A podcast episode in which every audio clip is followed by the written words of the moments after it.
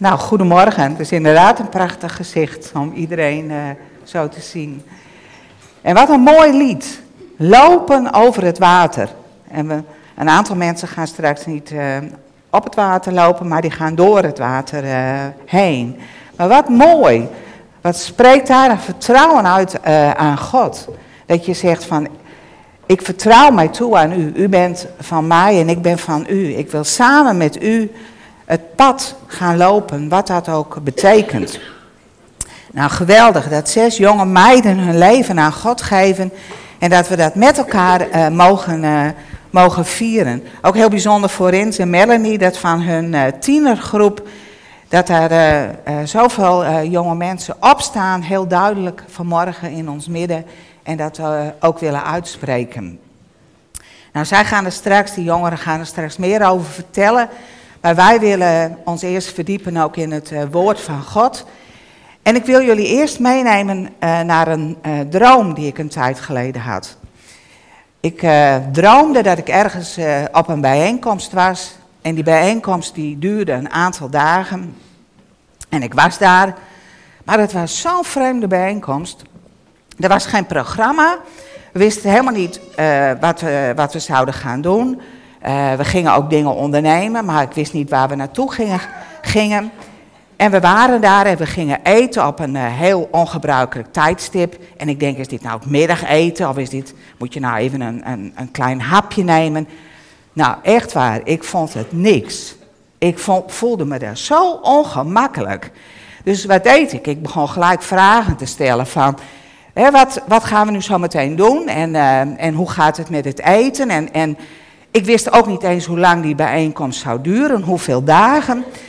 Nou, misschien hebben jullie gisteravond Wie is de Mol gezien. Dat was ook zo'n beetje. Moesten ze in dat busje stappen.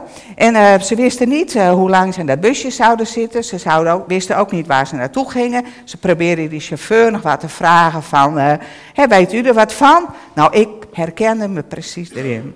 Ik vond...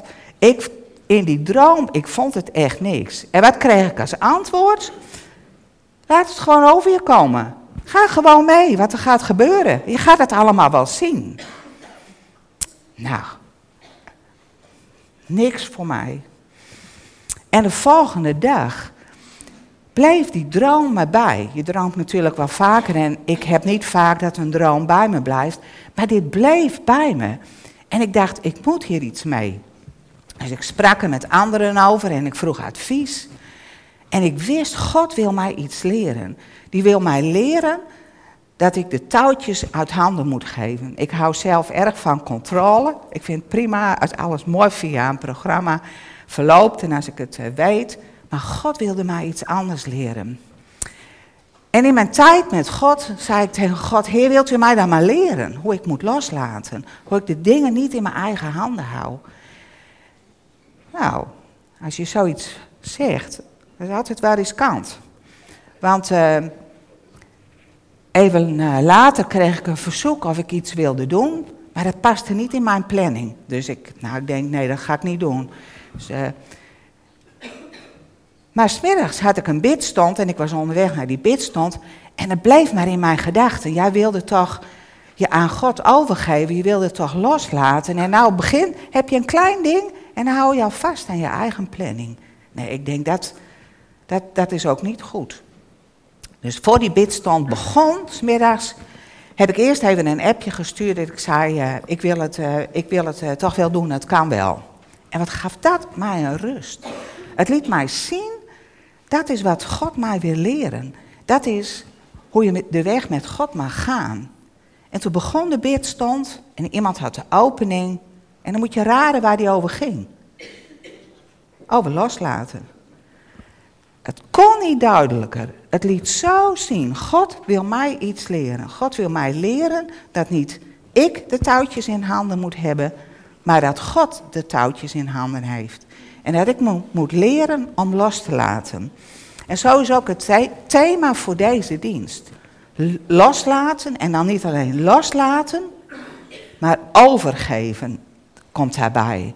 Loslaten van jezelf en overgeven aan God. En dat kom je ook tegen in de doop. In de doop laat je je oude leven los en je gaat een, je kiest om een nieuw leven met God in te gaan. En het is zo mooi dat je dat ook in de doop kunt zien. Je gaat in het water en je komt zoals je bent. En dan ga je kopje onder door het water. En dan sta je weer op. Je gaat weer overeind staan. En dat is een teken ook van het nieuwe leven wat God je geeft. Je bent schoongewassen door het water. Maar dat is, het, dat is wat we concreet zien. Maar door de keuze die je maakt om voor God te gaan, word je schoongewassen door het bloed van de Heer Jezus. Hij maakt je rein en hij neemt alles van je af. Wat je maar aan schuld, aan schaamte, wat je met je meedraagt. God neemt het van je af. En je mag opstaan in een nieuw leven, met een nieuwe verwachting. Gaan in wat God voor je heeft. Nou, het is zo mooi dat, dat, dat je deze stap, hè, je kan in je eigen leven je, die keuze voor God maken. Dat heb ik ook gedaan, jaren geleden. Maar dan ben je alleen in je eigen, op je eigen plek. En wat is dat prachtig, dat de doop plaatsvindt te midden van de mensen die bijzonder voor je zijn. Je familie, je vrienden, de gemeente. Dat je hier mag laten zien dat jij voor God wil gaan. Daar is lef voor nodig. Lef als jongere in deze tijd om te zeggen, ik kies voor God. Er is zoveel om ons heen. En zeker voor jongeren ook. Wat, wat je onrustig kan maken. Hoe je kijkt naar de toekomst. Wat is het geweldig dat je mag zeggen, ik ga met God. De toekomst is onbekend, maar ik weet met wie ik ga. Ik grijp Gods hand vast. Ik geef me over aan Hem en ik ga met Hem samen op weg. En God belooft dat Hij je niet los zal laten. Hij is altijd bij je en Hij laat je nooit alleen. Nou, in de Bijbel kun je heel veel ontdekken over loslaten. En wij gaan kijken naar het leven van Gideon. Gideon leefde in een tijd dat het volk, nog niet zo lang in Canaan woonde. En ze hadden in de tijd dat ze dat land binnentrokken sterke leiders gehad. Mozes en Jozua. Maar nu was er een tijd dat er geen sterke leiders waren. En het volk, de mensen, deden wat goed was in hun eigen ogen. En het was slecht in Gods ogen. En God wilde hen terugroepen naar hem toe. En God liet toe dat er vijanden kwamen die het volk aanvielen, zodat ze opnieuw gingen uitroepen naar God. En, en, en zich bewust werden dat het niet goed was hoe ze leefden en dat ze God nodig hadden. Dat God een plan had met hun volk, met het land waar ze woonden. En dan riepen ze uit naar God en dan verloste God hen weer. Maar dan na een tijdje ging het weer dezelfde kant op. Dan gingen ze weer hun eigen gang. En daar komen we Gideon tegen. En in de tijd van Gideon zijn de Midianieten de vijand die het volk aanvalt. En die zijn heel slim. Zij komen als de oogst vol in bloei staat. Als alles op het land staat, dan komen ze daar en dan roven ze alles weg en er blijft bijna niks over voor de Israëlieten. En dan zien we Gideon. En ik ga lezen uit uh, Richteren, uit Richteren 6 en 7, een aantal stukjes. En ik lees het uit de Bijbel in gewone taal. En ik begin met de Richteren 6 van, uh, vanaf vers 11. En er staat, op een dag kwam een engel van de Heer naar de stad Ofra. Hij ging zitten onder de grote boom op het veld van Joas, een nakomeling van Abiezer. En Gideon, de zoon van Joas, was daar aan het werk. Hij sloeg graankorrels uit het koren. Hij wilde niet dat de Midianieten het koren zouden zien. En daarom werkte hij in de bak waarin normaal druiven geperst werden. De engel ging naar Gideon toe en zei, je bent een dappere man. De Heer zal je helpen. Gideon antwoordde, mag ik u iets vragen? Als de Heer ons helpt, waarom gebeuren al deze vreselijke dingen dan? Onze voorouders hebben ons verteld dat de Heer wonderen doet en dat Hij ons uit Egypte bevrijd heeft. Maar nu heeft Hij ons in de steek gelaten en worden wij onderdrukt door de Midjanieten. Waarom doet Hij nu geen wonder? Nou, Gideon is daar bezig met het graan en hij doet dat in een, op een plek waar je, uh, ja, zodat het niet gezien wordt door, de Midjanieten, zodat hij toch nog iets van oogst kan hebben, dat ze iets te eten hebben. En dan opeens is daar een engel. En die engel begint tegen hem te spreken en die zegt, hey Gideon, dappere held, jou moet ik hebben, God heeft iets voor jou. Nou, dat past helemaal niet in Gideons denken. Hij denkt helemaal niet zo dat hij een sterke held is. En wat later in het gedeelte lees je ook dat hij zegt, nou, onze familie is helemaal niet zo belangrijk. En ik ben ook nog de jongste in het uh, gezin. En by the way, uh, God heeft ons in de steek gelaten. Je merkt helemaal niet meer dat God met ons meegaat. Gideon, Gideons denken past echt niet bij het denken van God en bij wat die engel tegen hem zegt. En Gideon moet zijn eigen denken loslaten om te luisteren naar wat God tegen hem wil zeggen. Wat de engel tegen hem wil zeggen. Maar dat doet hij niet zomaar, Gideon. Hij, hij is niet zomaar uh, van zijn padje gebracht en dat hij denkt, nou vooruit, ik ga ervoor. Dus uh, hij wil zeker weten of God hem roept. En dan vraagt hij om een teken. En dan lezen we hele bijzondere wonderen.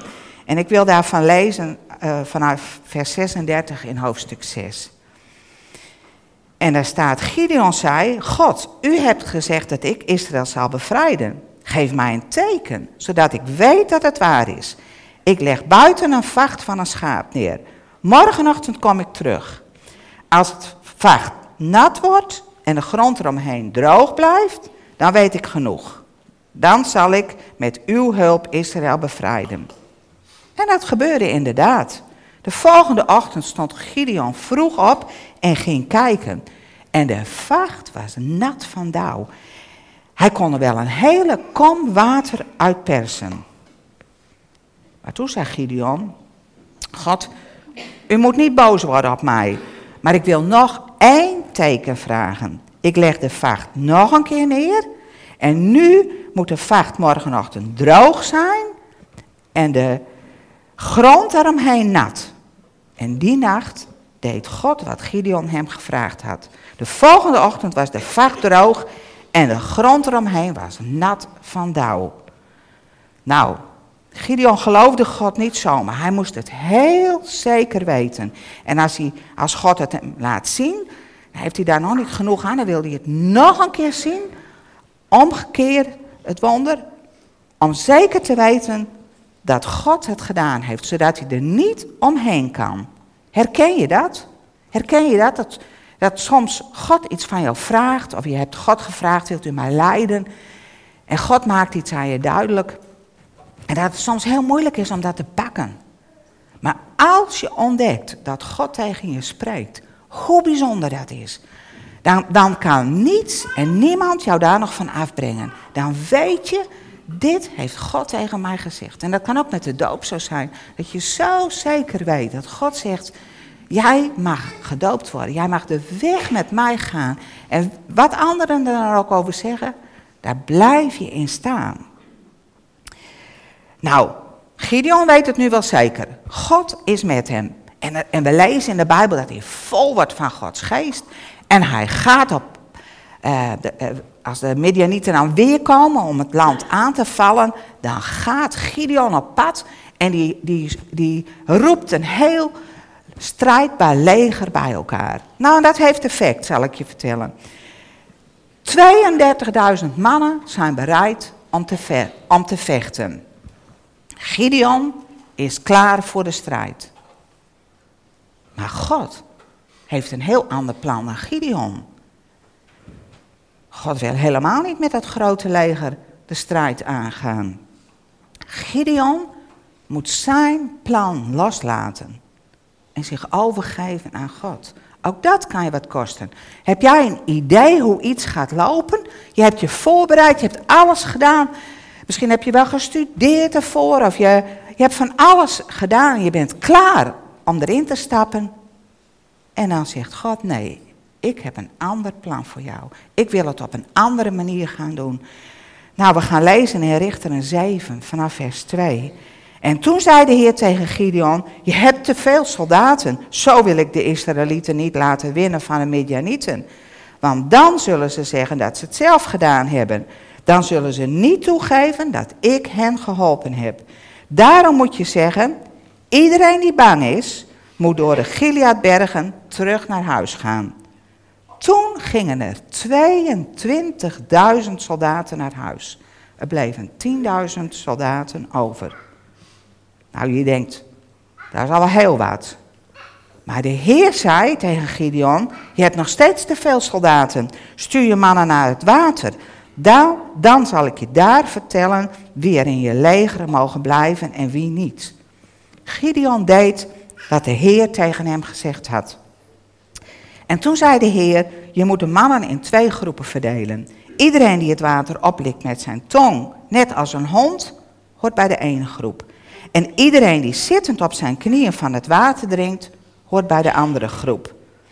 Er waren 300 mannen die het water oplikten met hun tong. En de anderen gingen op hun knieën zitten en schepten het water op met hun handen. En de Heer zei, de 300 mannen die het water met hun tong oplikten, die mogen blijven. Met hen zal ik Israël bevrijden. De andere mannen mogen terug naar huis. Oh, met want met hen, ik moet even corrigeren, met hen zal ik Israël bevrijden, want met hen zul je de Midjanieten verslaan. Daar zal ik voor zorgen. En de andere mannen mogen terug naar huis. Er bleven dus 300 soldaten bij Gideon en de rest stuurde hij naar huis. Ze moesten wel hun eten en trompetten achterlaten. Van het hele grote leger van 32.000 mannen was er nog een groep, groepje van 300 mannen over. En daar moest Gideon de strijd mee aangaan. Daar sta je dan, met dat hele kleine groepje. Hoe kun je nou ooit een strijd winnen tegen zo'n immens groot leger? Maar Gideon wist, God is bij mij. God gaat voor mij strijden. En God heeft een plan voor de redding. En dan voor de strijd begint, dan zegt God tegen Gideon, heb je misschien ook nog een uh, bemoediging nodig voor deze strijd? Nou, die bemoediging die kan Gideon wel gebruiken. En dan gebeurt er weer iets bijzonders. Dan zegt God, ga maar naar het kamp van de vijand toe. Daar zal ik je een bemoediging geven. Had God die bemoediging niet gewoon veilig op zijn eigen plekje kunnen geven? Nee, ook hier moest Gideon op God vertrouwen. En hij moest naar het kamp van de vijand gaan. En, op, en in de nacht doet Gideon dat. En dan lees ik verder uit Richteren 7 vanaf vers 13. Toen Gideon bij het kamp aangekomen was, hoorde hij twee Midjanieten met elkaar praten. De ene zei, ik heb zo'n rare droom gehad. Ik droomde dat er een brood door ons kamp heen rolde. Het brood rolde tegen een tent aan en die viel omver en zakte in elkaar. De andere Midjaniet zei, dat brood moet vast het zwaard voorstellen van de Israëliet Gideon, de zoon van Joas. Dan betekent die droom dat Gideon ons zal verslaan en dat God daarvoor zal zorgen. Toen Gideon dat hoorde, knielde hij dankbaar voor de Heer. Daarna ging hij weer terug naar het kamp van de Israëlieten. Hij riep tegen zijn soldaten: Kom op, jullie zullen de Midjanieten verslaan. Daar zal de Heer voor zorgen. Wat een wonder dat Gideon net op de plek is waar hij deze droom hoort. En bijzonder ook hoe die Midianieten door de droom heen al herkennen wat de bedoeling daarmee is. Een, gekke droom. Een brood die op een tent valt en de tent zakt in elkaar, kan je van alles bij bedenken. Maar zij wisten, dit is een teken dat de God van Israël strijdt. En dat hij de overwinning gaat geven. Nou, zonder dat Gideon nog maar iets gedaan heeft, is, uh, is uh, God al aan het werk onder de Midianieten. En verderop in Richteren kun je lezen hoe Gideon een, een, een, mooi plan bedenkt. Iedereen moet zijn trompet nemen en hij deelt uh, de, de soldaten in drie groepen. En ze moeten een kruik nemen en een fakkel. En dan moeten ze uh, om het kamp van de vijand heen gaan staan. En op een teken van Gideon gaan ze, de trompet gaat klinken. En er is een intens kabaal. En de vijand, de Midianieten, die raken helemaal in paniek. Die zijn heel erg bang. En die beginnen met elkaar te strijden. Die beginnen, met, die beginnen elkaar aan te vallen. En de rest van de Midianieten, die vlucht weg. Dus Gideon, die hoeft helemaal niet te strijden op dat moment. Later wel, want hij gaat achter dit uh, leger aan. Maar God geeft een overwinning. Daar kan hij niet omheen. En het is, het is zo bijzonder. En ik raad je aan om eens Richter 6 en 7 te lezen. Want ik vertel er een aantal dingen uit. Maar als je ziet hoe Gideon stap voor stap leert om op God te vertrouwen, om zijn eigen plan los te laten en zich over te geven aan God. Dat is zo krachtig en zo bijzonder. Gideon moest gedachten die hij had loslaten, maar hij moest ook letterlijk loslaten. Hij moest duizenden soldaten loslaten en hij moest toezien dat die allemaal weggingen en dat er een klein groepje overbleef. Nou, we gaan zo verhalen horen van de dopelingen. Ook zij gaan vertellen waarom ze zich laten dopen, waarom ze zich aan God overgeven en Hem willen volgen. Maar ik wil ook de vraag aan jou stellen. Wil jij God ook volgen op de weg die Hij voor jou heeft? Wil je je overgeven aan Hem en je eigen leven loslaten? En misschien Spreekt God tegen jou over dingen die je moet loslaten?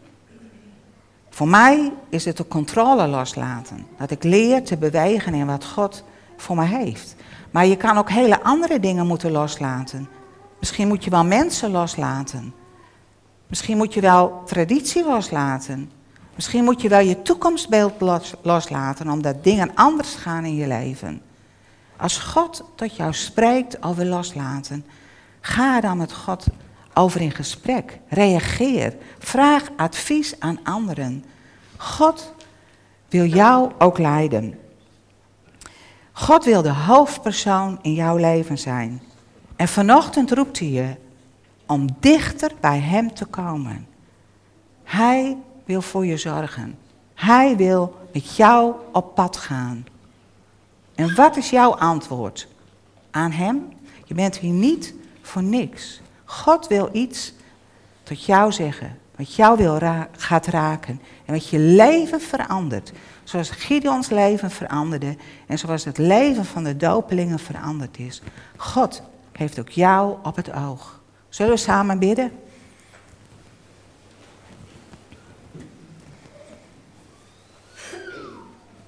Dank u wel. Dank u wel, Heer, voor uw woord. Dank u wel voor de Bijbel. Heer, dat u door uw woord heen tot ons wil spreken. Heer, dat u ons wil laten zien wie u bent. Er is niets en niemand zoals u. U bent groot, u bent machtig. Heer, maar tegelijkertijd bent u een God van zo dichtbij. U kent ons ieder persoonlijk. U weet wat er in ons leven is. U hebt onze haren geteld. En vanmorgen zegt u, ik heb jou op het oog. Ik heb jou op het oog. Je bent van mij. Ik heb jou gemaakt. En ik wil ook met jou op weg gaan. Laat los wat het tegenhoudt. Laat los wat geen vrede en rust brengt in je leven. En kom bij mij. Geef je over aan mij. Bij mij ben je veilig en geborgen. En met mij mag jij op weg gaan. En ik dank u wel, Heer, dat u antwoordt op elke roep van ons. Heer, dat u doorgaat, dat u van, zo zou ik gaan dopen dat u hier bent met uw kracht en autoriteit. Heer, het is feest in de hemel. Heer, en ja, Het is net alsof er een, hier ook een open hemel is en, en iedereen meejuicht met wat hier vanmorgen gebeurt. Dank u wel, Heer, dat u hier bent met kracht en autoriteit. Dank u wel daarvoor. Amen.